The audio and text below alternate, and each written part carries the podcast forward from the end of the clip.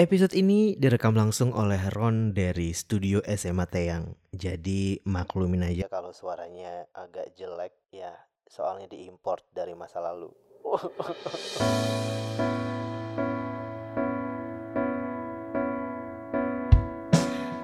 언제부터 그랬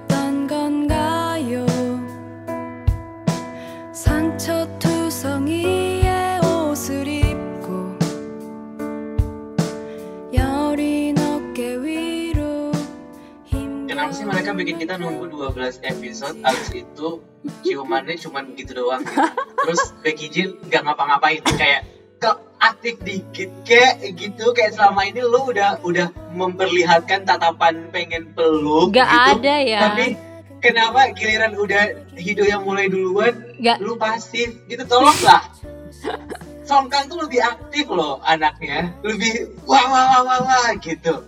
Ini gimana ya Nam Ji Hyuk nih ini kan Becky Jin ya, bukan Park Jeon, tolong Pak. iya sih cuman kayak ya ampun selama ini tuh kita sudah diajak untuk uh, mengikuti perjalanan Nahido dari remaja sampai dia kayak merasa belum cukup umur untuk bisa lebih intim dengan Becky Jin gitu dan ketika dia sudah masuk ke tahun 2000 gitu kan udah masuk ke usia yang dalam tanda kutip dewasa dan legal come on Becky Jin ayolah depan mata loh ini udah udah kayak cuman jarak 2 senti loh matanya tuh kayak gimana sih Iya, gue baca di Twitter kayak orang ngomong, mana nih izin kok nggak melakukan serangan balik? kayak orang tuh udah pada gemes. Cuman, iya maksud gue, gue malah apa ya? Kalau misalkan izinnya terlalu nafsu, jadi kayak rusak image dia selama ini. image yang mana Tolong ya, ini bukan eh, drama sebelah gitu. Ini slow burn romance yang sangat apa ya? melodrama loh ini Iya tuh siapa sih yang seenaknya ganti-ganti parah banget menjebak gitu. Kalau dari awal ini tagnya melodrama kayaknya nggak bakal gue sentuh iya deh. nggak sih kita kayak nggak bakal ditonton gak sih? Kayak udahlah kita cuekin aja orang udah pasti sedih. Ih, orang re- resolusi kita tahun ini kan ini untuk hahihi doang, iya nangis makanya. Ujung-ujungnya walaupun kita cuma pengen hahihi doang tetap aja lo nangis. Ngeliat adegan semua nama Jiwoo Oh parah itu parah sih, kayaknya ini tersedih. Kayaknya emang perkataannya si case-nya Sengwan yang di awal-awal tuh bahwa ini akan banyak air mata itu bener deh. Kayak episode sebelumnya gue udah nangis banget tuh gara-gara si emaknya Hido. Terus di episode yang selanjutnya lebih-lebih lagi gue nangisnya gara-gara. Kayak Kepala gue sakit gitu. Tapi kalau boleh jujur sih menurut gue episode 11 sama episode 12 ini adalah gue menyebutnya sebagai episode filler sih sebenarnya. Karena kita lebih banyak diceritakan karakter-karakter lain gitu. Kayak misalkan um, Yeji misalnya. Selama ini kan dia cuman sosok yang ya udah di belakangnya Hido sama Yurim aja gitu. Nggak nggak nggak ada. Kepentingannya cuman sebagai pemeran pendukung gitu. Tapi tiba-tiba dia dapat satu porsi yang yang besar untuk sebuah karakter yang pada akhirnya cuman abis ini nggak akan muncul lagi gitu. Gue ketika nonton itu gue gue gue nggak bisa melihat apa ya. Gue belum menemukan adanya apa sih maksud maksud dari eh, apa penggambaran karakter Yeji ini di, di di di episode ini gitu karena sebenarnya kalau mau dipikir-pikir kalau part Yeji itu dipakai untuk misalnya mengeksplor lebih banyak tentang Sengwan, menurut gue gue akan lebih seneng gitu ngelihatnya. Atau mungkin Jiwung deh, karena sebelumnya kan kita sempat ngobrolin juga kan di episode podcast yang sebelumnya bahwa kita pengen Jiwung sama Sengwan ini lebih banyak gitu, lebih lebih ada peran dalam dalam Hmm. cerita gitu kan. Dan itu cukup lama tuh perjalanannya dari kita ngobrolin soal Jiung dan Seng Sengwan yang munculnya cuma sepatah-sepatah gitu. Sekarang eh, Sengwan di digelontorin nih sebuah Hmm. adegan penting yang yang beneran kayak mengubah hidup dia gitu. Maksud gue Sengwan sama Yeji eh, punya momen yang sama di episode itu. Cuman gue masih nggak nggak habis pikir aja kenapa mereka memutuskan untuk memunculkan konflik batinnya si Yeji sebagai karakter yang sebelumnya bahkan ya mungkin kalau bisa dibilang kayak mereka nggak masuk geng cinta nih gitu. Maksud gue kayak geng lain nih dia nih gitu. Menurut lo tuh kenapa tuh?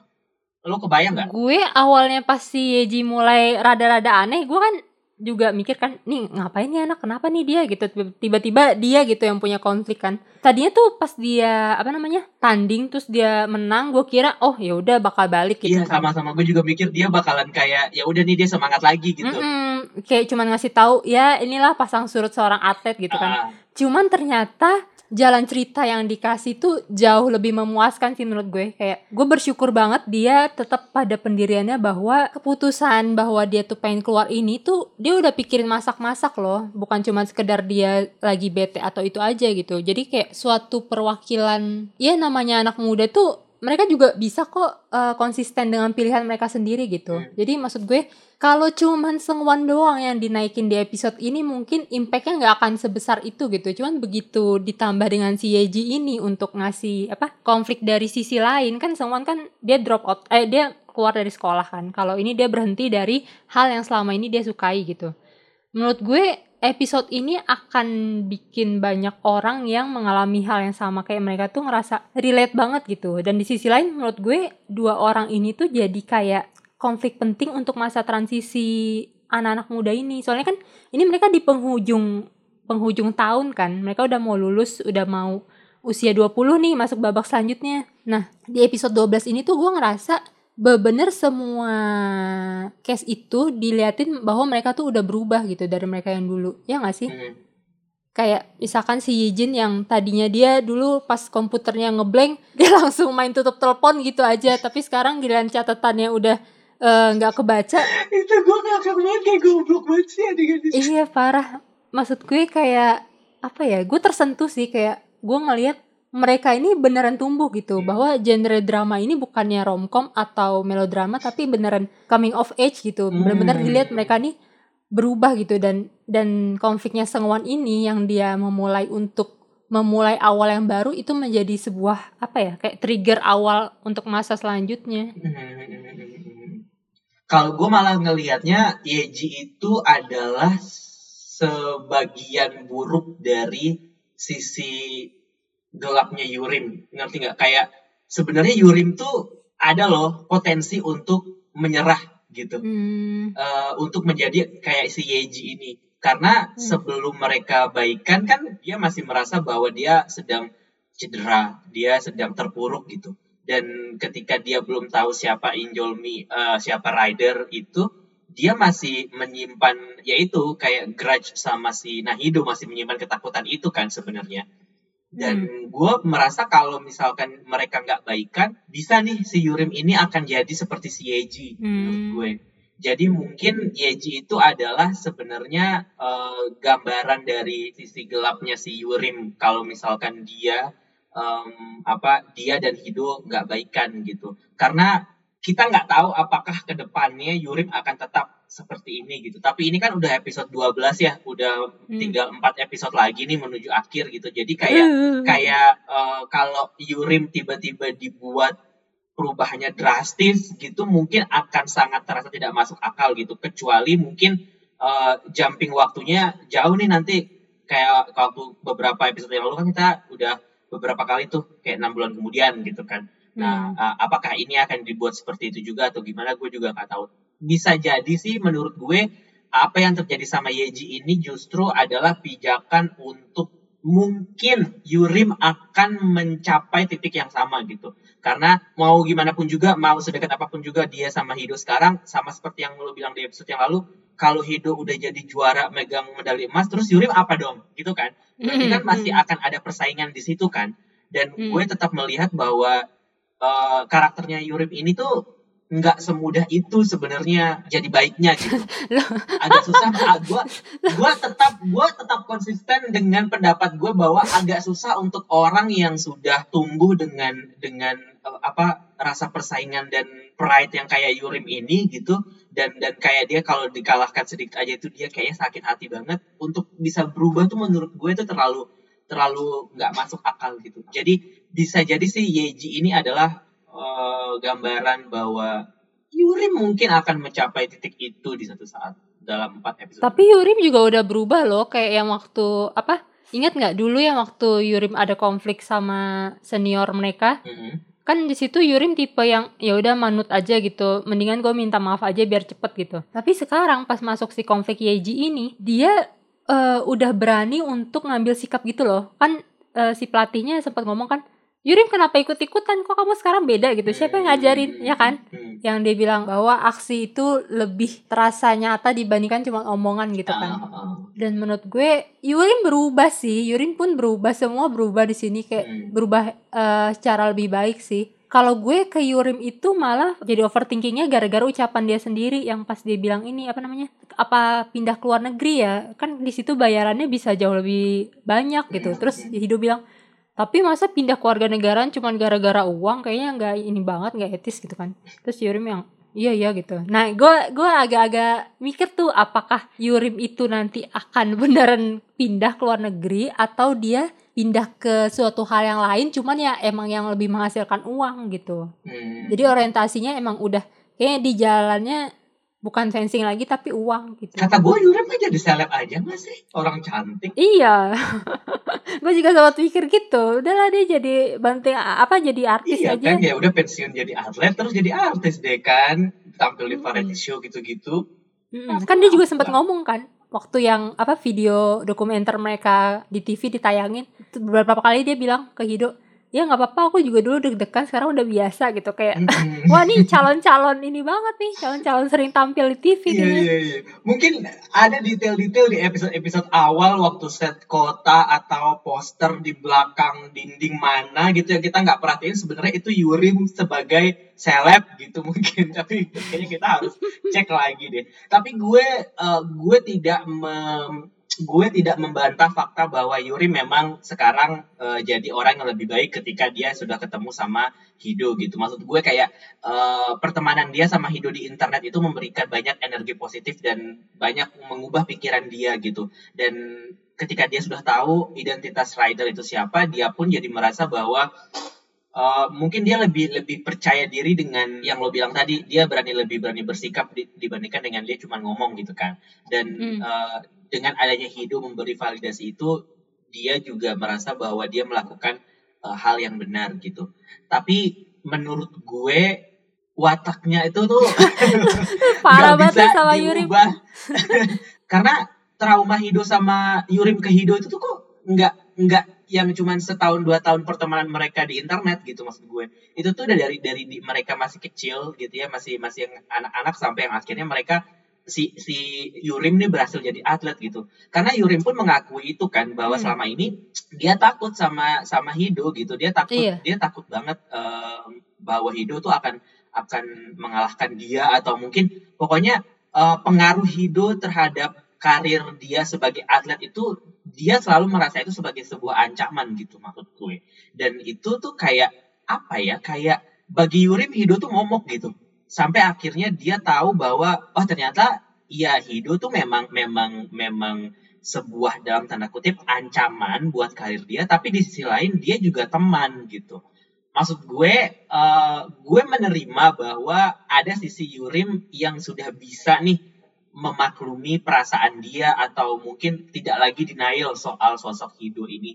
Tapi gue belum bisa menerima kalau misalnya eh, perasaan-perasaan lama Yurim ke Hido itu tuh langsung menguap begitu saja. Dan maksud gue kayak ya lo mental atletnya nggak ada banget dong maksud gue. Kayak sejak awal tuh memang kalau misalkan lo menemukan seorang eh, atlet saingan harusnya kan lo termotivasi dong untuk untuk bisa em, apa namanya menjadi lebih baik lah atau enggak setidaknya tidak dikalahkan oleh si saingan lo ini gitu. Karena Hido sendiri kan sudah ngomong gitu kan ke Yurim bahwa lo aja nggak berusaha men untuk tahu gue lebih banyak dan untuk belajar dari gue gitu. Nah sekarang ini pun Yurim menurut gue tidak melakukan itu gitu walaupun ya mereka lebih akrab sih. Loh, tapi kan yang pas itu kan Yurim juga cerita kan eh, dia tuh juga selain takut dia marah sama Hido gara-gara eh Hido nih yang bikin dia jadi pengen berlatih lebih baik lagi karena dia pengen balik ngalahin Hido kan. Hmm, Cuman hmm. begitu Oh, iya, pas iya. yang di turnamen itu dia lihat lah si Hido kok kalah malah nggak ketemu nih di final dia jadi kayak kesel kayak nih orang yang waktu itu bener nelanjangin gue kok sekarang malah jadi kayak kerupuk melempem kayak gini gitu. Iya, iya, iya. Jadi gue malah mikirnya tuh dibanding dia akan yang ngerasa gimana-gimana gitu sama Hido dia akan lebih ngerasa gimana-gimana sama dirinya. Kayak kalau Hido kan kayaknya bener dia sama si Anggar nih dari hati banget kan dia sukanya kan dari dulu. Si Yurim nih gue takutnya dia itu jadi terpacu dan ngerasa lebih baik itu karena tujuan utamanya itu pengen pengen masih ada dendam yang belum tersalurkan dulu gitu. Hmm. Cuman sekarang setelah dendam itu selesai, setelah dia akhirnya berhasil menghilangkan rasa penasarannya dengan bertanding sama si Hido waktu itu, dia kayak mulai lama-lama tuh menyusut gitu loh. Hmm, oke. Ke ininya sama Anggar dan jadi lebih ke money oriented gitu. Berarti bisa dibilang sekarang dia udah nggak punya motivasi untuk jadi nomor satu lagi ya Iya, takutnya di, itu. di tahap ini. Iya iya iya. Kalau gitu buat apa lo masih ada di ruang latihan itu? Goyurin kasih aja anak-anak baru. Setelah semuanya Yuri melakukan, kebencian lo udah berkurang gak sih walaupun cuma sedikit? Kebencian gue udah cukup berkurang sih, terutama di Oh. episode 11 dan 12 ini gue melihat bahwa oh ternyata dia bisa nih jadi jadi orang yang setidaknya jadi teman buat Hido sih. Menurut gue Eh, ada satu quote yang ini nggak berhubungan sebenarnya sama eh, drama ini, tapi mungkin lebih universal aja gitu ya. Gue kemarin sempat nonton film The Adam Project di di eh, Netflix dan ada satu quote dari karakternya Jennifer Garner ngomong ke karakternya Mark Ruffalo dia bilang kayak anakmu itu tidak butuh sosok yang sempurna dia cuma butuh kamu gitu. Nah Hmm. di situ gue melihat bahwa bahkan dari gue memandang Yurim ini sebagai sosok yang menyebalkan yang tidak sempurna gitu tapi gue tidak bisa juga menghindari fakta bahwa Nahido tuh butuh dia gitu jadi eh, apa pun yang Yuri melakukan maksudnya kan kita dalam dalam sebuah pergaulan kan kayak ya kita tidak bukanlah sosok yang sempurna anyway kan maksudnya Hido juga Hmm. ya kalau kita lihat mungkin eh, orang ini juga nggak baik-baik banget Ter- terlihat dari bagaimana cara dia menyikapi permasalahan dia sama ibunya kan bagaimana kesalahpahaman itu tuh lama gitu selesainya ya Mhm. karena emang dia tidak mau me- eh, bukan tidak mau dia belum bisa menempatkan posisi dia di posisi ibunya gitu. Tapi ketika dia sama Yurim tuh dia bisa memaklumi semuanya gitu. Memaklumi apa pun Hmm. yang Yurim lakukan Hmm, hmm, memaklumi eh, kejahatan-kejahatan Yurim selama episode-episode awal gitu maksud. Dan dalam pertemananku tuh kayak gitu. Kadang-kadang kita juga punya teman ya teman kita nggak nggak 100% baik gitu. Nggak sempurna gitu tapi gue tidak bisa menghindari fakta bahwa memang yang dibutuhkan hidup saat ini tuh adalah Yurim karena kayak gi- gimana pun gue setuju sih kalau sebenarnya cinta pertamanya hidup itu mungkin Yurim bukan bukan izin gitu. Jadi Hmm. nggak apa-apa Yurim mau jadi brengsek pun sebenarnya nggak apa-apa gitu. Asalkan dia tetap bisa jadi sosok teman buat hidup menurut gue itu sudah cukup. Karena ya itu tadi kayak lo nggak harus jadi sosok yang sempurna tapi lo tetap jadi Yurim yang hidup butuhkan aja udah cukup buat gue. Jadi di mata lo Yurim adalah alat untuk membuat Hido tetap baik-baik saja ya. Of course, buat gue dia adalah uh, satu karakter yang mempengaruhi perkembangan karakternya Hido banget gitu. Karena kalau misalkan nggak ada dia, kalau misalkan dia nggak jahat sama Hido, Hido juga nggak akan termotivasi kan untuk jadi uh, nomor satu, untuk masuk ke timnas dan segala macam kan. Karena karena Yurim sama Hido itu love hate relationship itu dari, dari masa kecil gitu kayak Yurim termotivasi untuk jadi atlet gara-gara dia ingin bertemu sama Hido di final gitu. Eh, kemudian ketika mereka remaja itu pun terjadi kayak mimpi Hido adalah jadi rivalnya Yurim gitu. Dan Hmm. dan maksud gue setidak sehat itu awalnya kita merasa bahwa persaingan di antara mereka berdua ini tapi sebenarnya justru dari persaingan itu mereka tumbuh gitu. Iya, iya. Jadi ya gue gue gue gue mungkin bukan tim Yurim tapi gue tim Hido bahagia sama Yurim gitu. Bukan bahagia sama Yijin, bahagia sama Soalnya Yurim. Ijin nggak ngapa-ngapain, Hido udah diem duluan ya. Ijin ngapain? Diem dong. Ya sabar dong, kan kayak waktu yang episode sebelumnya waktu Yijin dituduh Injolmi juga dia masih diem aja kan, masih kaget kan. Begitu masuk episode selanjutnya langsung dia bilang enggak aku bukan Injolmi gitu. Sabar, ntar uh, episode selanjutnya juga ini tuh berguncang tuh rumah. Jadi Heran. episode selanjutnya Ijin jangan lupa pasang gorden di kamarnya ya.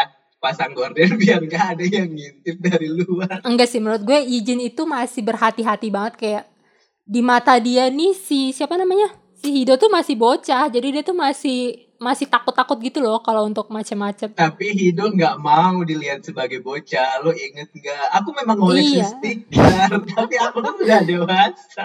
Iya makanya bertahap. Kan mereka masih harus melalui fase apa? usia berapa sih? 20 23 ya? Enggak, sebelum masuk itu aja 20, mereka 24. akan berkonflik ya. Apa harapan apa yang lo mau bekasi sama gue? Ini udah mau 4 episode lagi tamat. Hey, jok mesin cari oh. Ngerti dong perasaan gue. Karena waktu yang di Daegu pun kan Hido tuh udah gimana kalau kita eh, beli apa dulu gitu keluar gitu kan kayak Iya, mereka iya. kayak hujannya masih ada kok nih karena Hido tuh pengen bareng-bareng terus sama Ijin gitu.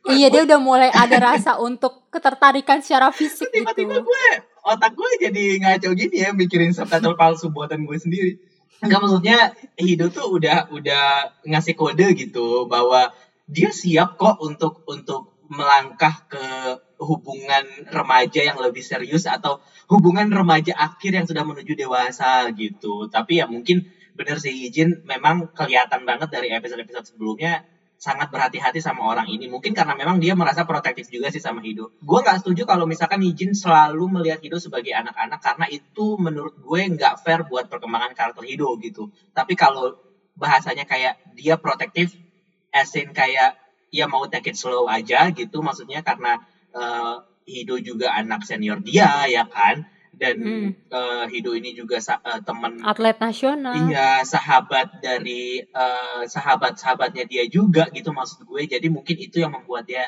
agak lebih berhati-hati dan itu gue setuju sih. Intinya Yijin itu cowok bernartabat yang gak cuman mikirin nafsu belaka ya, titik ya. Tiba-tiba jadi kayak mendiskreditkan karakter seseorang gitu. Karena lu suka suka membuat dia menjadi sosok Park Jeon. Tolong ini Yijin. Ah, Giliran nih Jin diajak pakai payung udah nggak hujan aja. Aduh tapi manis banget sih ya. Gue jadi keingetan sama avatar podcast kita yang kita ganti kan pakai payung waktu itu. Kan tahu gitu gue nggak ganti avatar kita. Tapi ngomong-ngomong kayaknya si Jiung ngeliat gak sih pas mereka ciuman? Kayaknya, eh lu gak nonton preview ya? gue nggak nonton review kan gue bukan anak review ah Oh, lu iya. mau menghancurkan ekspektasi gue untuk episode minggu depan. Enggak itu cuma tebakan gue doang. tapi ada di preview juga yang bakal jadi cameo si atlet Anggar itu kan si Kim Juno. Oh, iya, yang iya, katanya oh ini nih bapak Mince gue sampai sekarang udah gak peduli lagi Mince mau anak siapa bodoh amat. Dia mau anak pungut juga selalu Mince gitu kan. Setiap kali Mince muncul tuh episodenya tuh jadi melo jadi kayak banyak hal yang harus ditebak dan gue nggak suka dengan kemunculan Mince gitu Jadi Enggak, kayak, dia tuh anak Yijin. fix fix dia anak Yijin gue. kenapa tapi Kim ayo belum kejawab sampai sekarang kenapa Kim apa teorinya masih sama teori Jin anak adopsi itu masih masih lo yakini sampai sekarang Masih, pokoknya dia yang berubah nama lah apa pun alasannya. Entah dia pengen ganti image atau apa, pokoknya dia ganti nama gitu. Hmm. Soalnya bukti bahwa Hido Endgame tuh makin banyak makin ke sini. apa beberkan coba mulai dari awal kan si sifat Mince yang lebih mirip sama Yijin kan kayak dia kalem, pinter, terus peka walaupun anak seumur itu gitu. Terus juga dari siapa namanya Eh, Mince juga suka makan burger. Terus yang eh, namain barang si Yijin kan namain pedangnya si Hido terus yang sepatu baletnya si Mince juga ada namanya kan ditulisin kan. Terus habis itu juga Ijin itu dia gak tahu kan gak update sama seleranya si Yurim waktu dia ngasih permen. Terus Yurim bilang ih apaan orang aku udah nggak suka lagi sama permen ini? Nah terus si Mince juga dapat kado itu kan dari bapaknya kayak ih Nora banget eh, orang udah bukan anak kecil lagi masa dikasih beginian gitu kan. Hmm. terus habis itu mo- warna mobil. Warna mobil yang dipakai si siapa namanya? Si Hido dewasa kan merah juga kan. Cuman bedanya sekarang ada atap kan waktu itu dia sempat ngeluhin kan kayak nih mobil nggak bisa ditutup jadi kehujanan segala macam nah setelah berkeluarga dia tetap pilih mobil merah cuman yang ada atap gitu. Hmm. itu adalah selera Jijin banget tuh. Oh, terus gitu. habis itu foto yang mereka di mereka tulis pilih mau print yang mana. Eh, yang Hido nulis Yijin di fotonya Yijin. Eh nulis nama dia di fotonya Yijin. Terus si Yijin juga nulis dia pengen fotonya Hido yang sendiri di saat Hido sendiri kayak jijik gitu kan ngeliat muka dia sendiri Hmm. dan foto itu dua-duanya ada di album foto yang sama yang Mince lihat Hmm, ya ya ya ya gimana nggak in game ya ya Terus nama studionya si siapa namanya? Si Hido kan juga 2521 kan. Jadi menurut gue kayak nanti kejadian mereka yang akan saling menyakiti di tahun ini nih, di tahun mereka umur 20 dan 24 itu itu akan membuat Hido beneran kayak banyak ngehapus momen bersama gitu sih dan di tahun 21 25 itu yang jadi spesial karena tahun itu akan menjadi kayak tahun mereka memulai dari awal lagi gitu. Makanya kayak segitu berartinya usia itu sampai dinamain buat jadi nama studionya si Hido. Oh gitu, yakin banget lo ya positive thinking lo tuh sekarang udah lebih mendominasi dibandingkan overthinking lo, keren deh. Gua suka nih Nadia yang ini nih dibandingkan dengan Nadia-Nadia yang berteori gelap sebelumnya. Tapi gue nggak, gue nggak yakin sih Nat, karena dunia tuh nggak mungkin membahagiakan itu. Ada satu lagi yang mendukung teori gue. Apa? Di gue nggak tahu sempat lihat apa enggak, cuman gue cukup beberapa kali lihat entah itu di Twitter, TikTok ataupun YouTube ada yang ngebahas soal teori warna gitu. Hmm. Sebenarnya masalah warna pun gue sempet ini sih ngeliat sih waktu di wawancara mereka kayak mereka tuh nyinggung ya kalau warna kuning tuh menggambarkan ini kalau warna biru tuh menggambarkan masa muda lah pokoknya gitulah nah terus eh intinya ada yang ngebahas detail gitu kayak secara psikologi warna ini itu artinya apa warna ini artinya apa Hmm. cuman intinya adalah Yijin itu adalah warna biru dan Hido itu warna merah Ya, Nah. lalu. biru dan merah itu kalau disatuin ungu kan dan Mince itu beberapa kali terlihat dia tuh menggunakan barang-barang yang berwarna ungu Oh wow, amazing, wow. Tapi ya gue aminkan ya, gue aminkan walaupun gue tidak percaya, tapi gue aminkan. kok lu gelap sih sekarang Enggak, gue malah merasa Mince itu tuh bukan anak hidup. anak Hijin mungkin bener, tapi dia bukan anak hidup. Dia dia masih anak Yurim gue rasa sih. gue kira lu mau ngomong anak Yijin sama emaknya Hido Nanti jadi gini, apa yang menyebabkan Hido sama Yijin berkonflik di usia 24-20 itu adalah karena Yijin karena Yijin mendadak ha- menghamili terus siapa sih yang menyakiti lo Hah? Dunia, generasi ini yang menyakiti gue. Kayaknya gue gak bisa lagi melanjutkan podcast ini sama lo ya udah sama Pak Tarno aja. Parah lu ya, gue gue gue bilang Yijin cowok bermartabat ya izin cowok bermartabat iya, tapi gue nggak mau eh, berekspektasi karena ketika lo berekspektasi nanti dan tidak sesuai sama ekspektasi lo, lo kecewa kan. Jadi you expect for the worst aja itu quote dari drama mana ya? Kalau gue nggak salah nggak salah ingat, Drama hidup lo iya itu drama hidup gue kayaknya kayak expect for the worst aja gitu, biar biar eh, ketika nanti hasilnya baik, oh ya udah berarti happy buat lo gitu.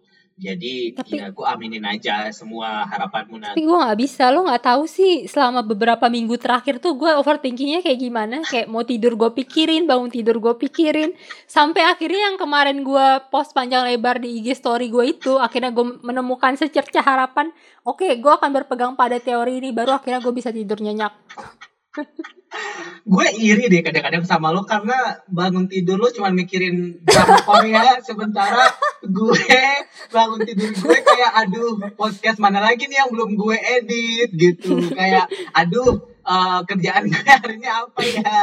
Gue tuh kadang-kadang suka amazed sama kehidupan lo tapi nggak apa-apa itu adalah bentuk eh, cara lo untuk menikmati hidup sih gue perlu dicontoh sih itu emang begitu kalau emang begitu kalau udah nikah sama pejabat kan emang gitu ya Gue juga kadang suka mikir kenapa gue suka memikirkan hal-hal yang sebenarnya tidak ada hubungannya dengan gue. Tapi sampai akhirnya si konfliknya Sengwon ini muncul yang dia ngomong ke si Capseknya bahwa ya walaupun bukan aku yang kena, cuman aku peduli gitu. Hmm. Nah terus gue kayak oke gue adalah Iya Sengwon. sih, iya sih. Gue gue seneng banget sebenarnya sama karakter Sengwon ini karena Gue suka iya, banget sama well dia. written banget. Maksudnya kayak gue tahu karakter ini adalah karakter yang pasti orang Korea tuh nggak bakal suka gitu karena eh, apa ya nggak relate sama kehidupan mereka. Maksud gue kayak mereka pasti akan lebih suka sama eh, orang miskin yang cantik seperti Yurim gitu dibandingkan dengan Sengwan yang jelas-jelas eh, apa ada ada misi dalam hidup dia gitu maksud gue. Dan eh, lawan Sengwan di sini kan bukan cuman si kepala sekolah itu kan. Penggambaran ini sebenarnya jauh lebih besar daripada eh, permasalahan dia sama sekolah gitu. Tapi gue suka eh, karena kita selama ini kan selalu khawatir ya kalau nonton asa apa drama anak sekolahan kan. Kayak aduh Hmm. ada lagi nggak yang dibully? gitu kan. Hmm, Nah, hmm, hmm. terus uh, Sengwan muncul dengan uh, melawan em, apa sistem, sistem gitu semua ah. society. Betul, dan itu datang dari gurunya sendiri dan gurunya yang ngebully gitu. Kayak gue nggak nyangka sih akan akan sampai sejauh itu sih semua ini. Gue kira kayak dia em, melindungi Jiung ya karena sebatas Hmm. dia emang naksir Jiung aja gitu. Bukan bukan kayak dia punya misi besar sebagai seorang aktivis. Misalkan nih dia bakal jadi aktivis ke depannya. Cuman adegan itu menurut gue selain keren, yang paling kocak ya waktu nyokapnya datang ke sekolah sih kayak Iya, iya. klimaks banget gue tuh gak nyangka kalau ternyata uh, ending dari uh, dia di- dia mau keluar dari sekolah itu tuh akan ada bumbu itu gitu Hmm, hmm, hmm, hmm. Hmm, gue suka banget sama apa hubungan mereka berdua kayak sesehat itu gitu. Maksud gue eh si Songwan yang tampak begitu apa? Kayak kokoh yang bahkan dia tidak tergoyahkan dikelilingi oleh kepsek, guru dan polisi tapi di depan nyokapnya akhirnya dia bisa nangis gitu. Kayak gue wah ini nyokapnya the best banget sih. Tapi gue agak berbeda sama lo soal yang eh, lo bilang orang Korea kayaknya banyak yang kurang suka dia justru menurut gue karena di Korea mungkin jauh lebih banyak eh, bully sosok Sengwan ini hadir untuk kayak ngasih harapan gitu loh kayak eh mungkin menyentil ya kayak di sana kan mungkin banyak anak-anak yang kayak ngerasa ah gue main aman aja atau bukan gue ini yang dibully gitu. Sedangkan Sengwan ini kayak dia rela melepaskan satu tahun eh, semua kerja keras dia gitu aja keluar dari sekolah yang dan tanda kutip busuk ini eh, untuk melawan semua ini gitu. Bahwa dia tuh punya prinsip dan dia nggak mau eh, asal disuruh minta maaf atau nunduk gitu aja saat dia nggak salah gitu. Hmm. dan menurut gue kayak andaikan minimal tiap satu kelas ada satu orang sengwan kayaknya nggak emang nggak bakal ada bully deh di mana-mana tapi kalau kita ngomongin konteks Korea Selatan kayaknya em, ini susah pasti ini romantisasi aja sih menurut Iya, gue semua iya, ini nggak iya. realistis sih menurut gue Iya, nggak. Mm, kayaknya kalau sampai ada anak kayak dia pasti udah ada beritanya di mana-mana. iya Cuma kayak maksud gue, udah jadi udah jadi pemenang Nobel perdamaian sih gue rasa iya, cuma maksud gue saat ada penjahat yang terinspirasi oleh tokoh apa, pasti ada juga dong kayak pahlawan yang mungkin terinspirasi setelah dia menonton si Sengwan ini akhirnya dia akan mulai bergerak Iya, gitu. iya, bisa jadi. Gue sekali lagi gue aminin ke positive thinkingan lo di episode ini. Gue kayak gue kayak berbicara dengan uh, sekjen PBB hari ini dan gue tidak merasa bahwa ini sebuah podcast drama Korea gitu. Maksud gue kayak apa yang terjadi sama lo? Kayak ke mana Nadia yang gelap kemarin gitu kayak. Gue kayaknya lebih frekuensi gue lebih nyambung sama Nadia yang berteori gelap dibandingkan dengan yang positif kayak gini. Kenapa di saat gue makin positif lo semakin gelap?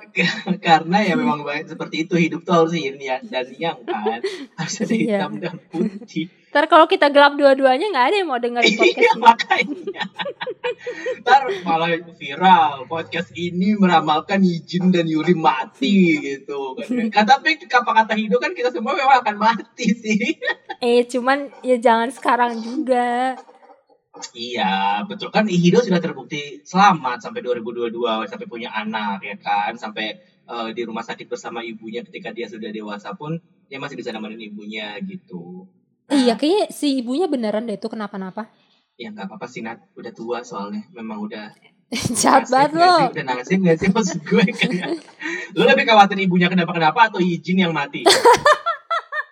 Jangan gitu dong. Ya, itu dua pilihan yang sulit tapi gampang sebenarnya. Oke, gue pilih ibunya demensia aja. Tapi demensianya kayak masih tahap awal deh. Soalnya, kenapa tiba-tiba dia medical check up gitu? Maksud gue, kenapa tiba-tiba harus dibikin scene itu gitu? Di saat eh, yang waktu mereka selesai ngobrol bicara bareng, terus kayak Hido kaget. Kayak emang dia ngerasa nyokapnya ini ngawur dan dia mulai khawatir, makanya diajak medical check up gitu. Iya, iya, iya, oke, oke. Gue suka Nadianya nih. Curigaan terus doang. Iya, iya, iya. Tapi dia sakit apa sih? Dia nggak dijelasin kan kemarin sakitnya sakit apa? Dijelasin Apa? sama podcast ngedrakor. Mereka tuh endoskopi kan mereka nyebutnya. Kolonoskopi apalah itu. Iya, kalau Tapi kayaknya itu bagian dari seluruh medical check up gitu deh. Hmm. Ngomong-ngomong ini bapaknya Mince masih karantina atau gimana ya? Mertuanya masuk rumah sakit itu nggak dianterin? Masih. Lama banget karantina ini karantina covid atau karantina kena narkoba bagaimana nih? lagi ada kerjaan eh gantian kan dulu dia ini tetap kerja di saat suaminya meninggal sekarang menantunya tetap kerja meskipun dia medical check up Katanya udah berubah menjadi sosok yang lebih baik. Kok masih kelingi to the past aja, masih main balas dendam balas dendam itu. habis lo ini nyari-nyari perkara Nyari-nyari pertengkaran. bahagia soalnya. Eh, tapi gue senang banget sih kayak gue akhirnya menunggu banget sih momen di saat si Hido sama nyokapnya ini saling apa sih ngomong dari hati ke hati gitu loh akhirnya keluar semua yang tersimpan di hati Hmm. Hido selama ini Udah baik kan, udah udah udah tutup kan ketika mereka eh, ngomongin soal apa kuliah itu kan.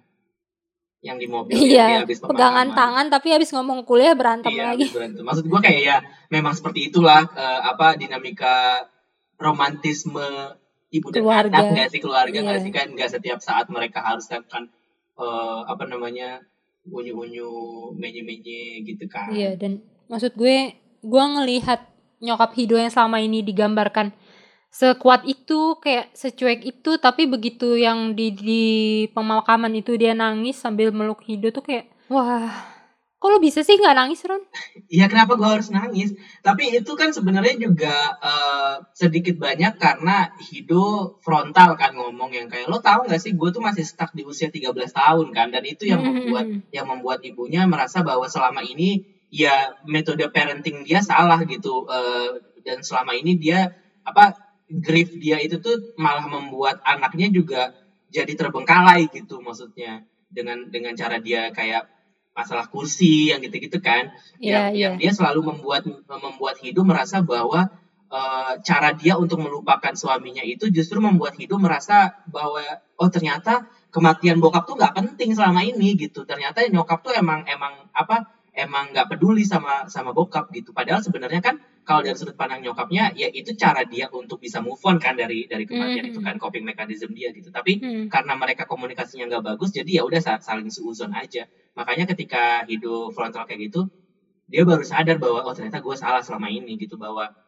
yang tersakiti itu nggak cuman gue loh ternyata ya tapi memang bener sih ketika eh, suaminya meninggal ya dia ke- kehilangan suami ya hidup kehilangan ayah gitu kan cuman mungkin Hmm. karena grief dia kehilangan suami itu jauh lebih eh, dia belum bisa mengatasinya jadi dia pun akhirnya cuek bagaimana eh, hidup mengatasi kehilangan ayahnya Iya, gitu dari awal gue sebenarnya nggak pernah benci atau gimana gimana gitu sih sama nyokapnya kayak gue udah tahu menjadi single parent membesarkan anak seorang diri aja itu pasti udah berat kan.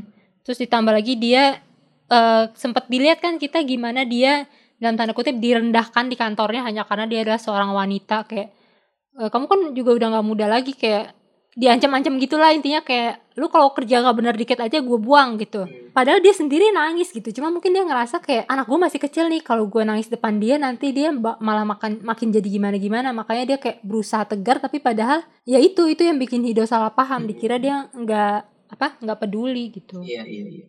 Makanya kalau episode yang kemarin ini udah udah menutup semua episode eh, apa namanya kesalahpahaman hidup dan ibunya itu sih menurut gue jadi kayak ya adegan di rumah sakit itu udah membuktikan bahwa ya memang sejak adegan mobil sampai adegan rumah sakit itu hubungan mereka sudah jauh lebih baik sih gitu.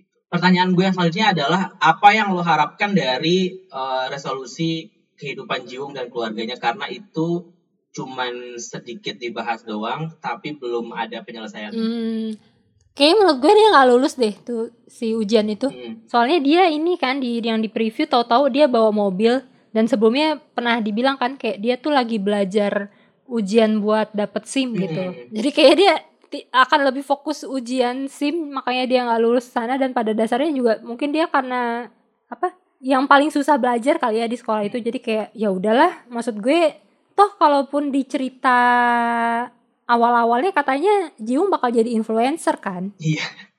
Kata gue Ya udah. sama Yurim nanti bakal ini masuk manajemen artis yang sama. Join ya. iya, debut jadi idol deh mereka berdua cocok. Iya, ntar mungkin setelah Jiung akhirnya menghasilkan baru nyokapnya berhenti khawatir. Iya iya. Setelah Jiung akhirnya menghasilkan, Yurim pun juga nanti makin cinta kan karena Yurim cinta duit.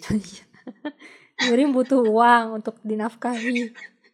Eh tapi menurut lo mereka bakal jadian nih? Maksud gue kayak mulus banget nih dari PDKT awal udah saling suka terus udah jadian pula sekarang. gue suka nih sama orang yang curiga-curigaan kayak gitu Yurim sama Ijin eh, akhirnya nanti Enggak dong, izin Jadi sama. Hido. Gue colok iya. Ijin sama Hido Ijin sama Hido di masa depan tapi sebelum itu Yurim Gak mungkin, yang realistis dong. ya udah eh, gue tidak merasa bahwa Jiwung sama Yurim akan bertahan selamanya karena menurut gue ini cuman kayak eh, fling remaja aja gitu dan lagi pula Hmm. kalau memang misalkan Yurim merasa bahwa dia butuh uang banyak gitu gue merasa dia akan eh, mengikuti feeling dia untuk kayak kayak gue keluar negeri aja deh gitu untuk untuk untuk nyari duit aja di luar negeri gitu dan di- itu akan membuat dia jauh dari Jiwung anyway kan Hmm. Ya apa sih menurut gue Yuri bebas aja mau ke mana-mana. kan jahatnya keluar lagi.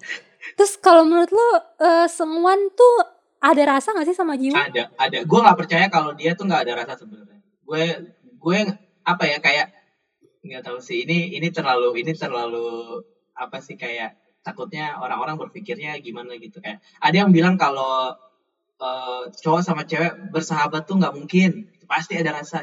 Nah, gue tuh untuk konteks Jiwung sama Sengwan ini, gue penganut paham itu. Gitu. Hmm. Gue yakin sih.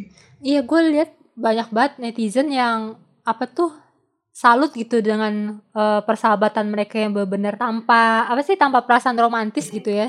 Terus gue kayak takut mau mengutarakan ini kayak dibilang ah lu dasar lu merusak ini aja gitu. Tapi gue jujur pribadi yang waktu dia Sengwan apa gak nonton di konsernya Jiung karena dia tahu Jiung bakal nembak eh, siapa namanya Yurim. Gue kayak hah masa sih? Kok lu malah milih mendep di dalam ruangan ini gitu? Kayak gue curiga di situ gitu. Walaupun gue juga memang sangat sangat menye- sangat sayang sih sama persahabatan mereka. Cuman nggak tahu ada hal-hal yang kadang bikin gue overthinking aja. Iya, gue juga eh, mengikuti karena yang pertama kali memunculkan detail soal Sengwan cemburu sama Jiung dan Yurim itu kan lo. Jadinya gue juga- masa? Iya di episode sebelumnya kan yang dia jatuhin barang segala macam itu kan semua datang dari lo terus gue gue kayak cukup terpengaruh dan ketika gue nonton episode yang ini yang lagi-lagi lo nyebut soal yang dia nggak datang ke konser itu gue juga merasa bahwa oh iya ini ini sebuah sebuah apa ya kayak pertanda aja gitu. Maksud gue kalau ngelihat semua kayak dia juga nggak mungkin malah nggak pengen hubungan asmara dia eh, apa nggak pengen mengakui perasaan dia ke Jiwung karena iya. itu akan mengorbankan persahabatan mereka yang sudah dekat ini kan maksud gue. Mhm. jadi dia sebagai orang yang logis dan dan eh, karena dengan karakter dia yang sekarang ini merasa bahwa ya udah gue harus menghargai ini gitu dan lagi pula Hmm. selama ini Jiung kan kelihatan banget ngejar-ngejar Yurim kan dan semua tuh kayak Hmm. ngerasa eh, apa semua tuh menghormati itu gitu yang bikin gue eh, yakin bahwa dia nggak akan nerabas eh, hubungan mereka ya dia selama ini penyiar radio yang wise man gitu nggak mungkin Iya, dia iya. nggak mungkin dia bisa kepikiran untuk jadi seorang DJ acara curhat gitu kalau dia pun kehidupannya nggak nggak wajar gitu. Maksudnya kayak eh, mess up gitu maksudnya. Pasti kan paling nggak ada kedewasaan yang bisa dia share ke pendengar dia kan. Dan Hmm. dan itu yang yang ingin ditampilkan dari karakter Sengwan ini bahwa ya mungkin mungkin benar dia memang ada perasaan sama Jiung tapi di saat yang sama juga dia menghargai persahabatan mereka yang sudah mereka jalin sejak kecil dan itu membuat dia jadi kayak nahan dan fakta bahwa Jiung juga eh, lebih suka sama Yun juga ya ya udah masa gue mau nyeleweng sih kan ini sahabat gue gitu kan sahabat gue kalau sahabat Iya, gue iya. bahagia ya gue juga harus ikut bahagia Iya. dong gitu. dan bisa jadi ya karena mereka masih di fase umur sekarang gitu Iya, maksudnya iya. kayak yang penga- pengakuannya si Hido waktu habis ditembak Yijin kayak dia bilang tapi perasaan aku belum sedalam itu gitu jadi kayak masih benih-benih doang yang bahkan mungkin mereka sendiri belum sadarin gitu cuman penonton kayak mulai dikasih kayak ini sebenarnya nih orang nganggep Jiung itu potensial love gitu loh walaupun Hmm. belum suka-suka banget Iya iya iya. iya. Tapi gue suka deh eh, satu hal dari Yurim di episode 11 12 ini yang dia bilang kayak dia nggak ganteng-ganteng banget sih tapi dia tipe gue. Itu gue suka banget sih. Kayak ya bener karena kan selama ini kita selalu berpendapat bahwa if you are good looking then oh ya udah gitu. Dunia adalah milik lo gitu kan. Um, I mean Jung is a good looking guy gitu. Tapi eh, good looking atau tidak good looking itu kan masing-masing orang punya pendapat yang berbeda-beda kan. Dan di situ Hmm. gue eh, sangat apa ya melihat Yurim tuh di situ gue baru cuma di situ doang sih. Cetek banget emang gue Eh, di situ gue merasa kayak oh Yurim good good girl Yurim best girl. Cuman karena cuman karena dia bilang kayak dia nggak ganteng-ganteng banget sih tapi dia tipe gue itu kayak yes yes of course. Itu satu hal yang bisa gue relate dari Yurim Kayaknya Yurim terjadi sama si itu deh, sama si siapa namanya? atlet itu. Yang bakal Heeh, yang bakal jadi cameo. Iya. iya iya iya iya. Karena atletnya udah kaya terus kayak iya iya masa suami istri jadi sama-sama atlet? Ya udahlah aku betul. pensiun aja. betul betul. Gue juga setuju sih gak apa gak apa Yurim kejar uang sebanyak banyaknya girl nah ngomong-ngomong nih kan kita sudah masuk di episode 12 nih. Udah tinggal 4 episode lagi nih Nat. Dan pastinya Ah, gua kan, rela. pastinya kan semakin mengerucut nih konfliknya dan kita sudah sudah mendekati momen di mana mereka akan ya itu tadi kayak momen 2521 itu gitu momen 2024 itu gitu kan. Uh, prediksi lo nih kalau gue sebelumnya gue bilang apa pun yang terjadi sama Hido dan Ijin pasti di situ ada Yurim. Kan gue pernah bilang kayak gitu. Hmm. kalau prediksi lo gimana nih Gue masih kebayang-bayang sama prediksi gue di episode sebelumnya sih kayak ada hubungannya nih sama si senior jahat yang bakal ngapa-ngapain demi rating itu. Soalnya kan si kayaknya episode pertama dokumenter itu sukses kan sampai si Hido dikenalin sama kakek-kakek yang suka baseball padahal tahu-tahu suka juga eh maksudnya tahu juga sama dia. Nah, terus gue juga jadi keinget waktu pas interview itu pas sama Yijin itu Hido kan sempat keceplosan kan ngomong dia tuh sempat pernah ke klub. Ingat gak sih lo? iya Nah itu kan maksud gue mungkin emang tidak ditayangkan, cuman rekamannya masih ada kan Mm-mm. buktinya. Terus ditambah lagi nyokapnya pernah bilang jangan ada yang tahu kalau Hido itu anak aku gitu. Hmm. Mungkin antara itu deh kayak mungkin akan jadi kesalahpahaman dikira si Ijin yang nge-spill atau mengkhianati, cuman padahal bukan dia gitu. Terus jadi kayak entah image-nya Hido yang jadi rusak atau sebenarnya mau nargetin ke nyokapnya tapi Hidonya jadi kena gue nggak tahu deh. Pokoknya lebih kesalahpahaman sih menurut gue. Berarti nggak ada Yurim-Yuriman di situ ya Nggak ada. Cuman kesalahpahaman ini diperparahnya karena terjadi pas mereka lagi belum fix sama perasaan mereka gitu loh, belum jadian. Hmm. Soalnya menurut gue kayak Yijin ini setelah dicium ini akan narik diri gitu.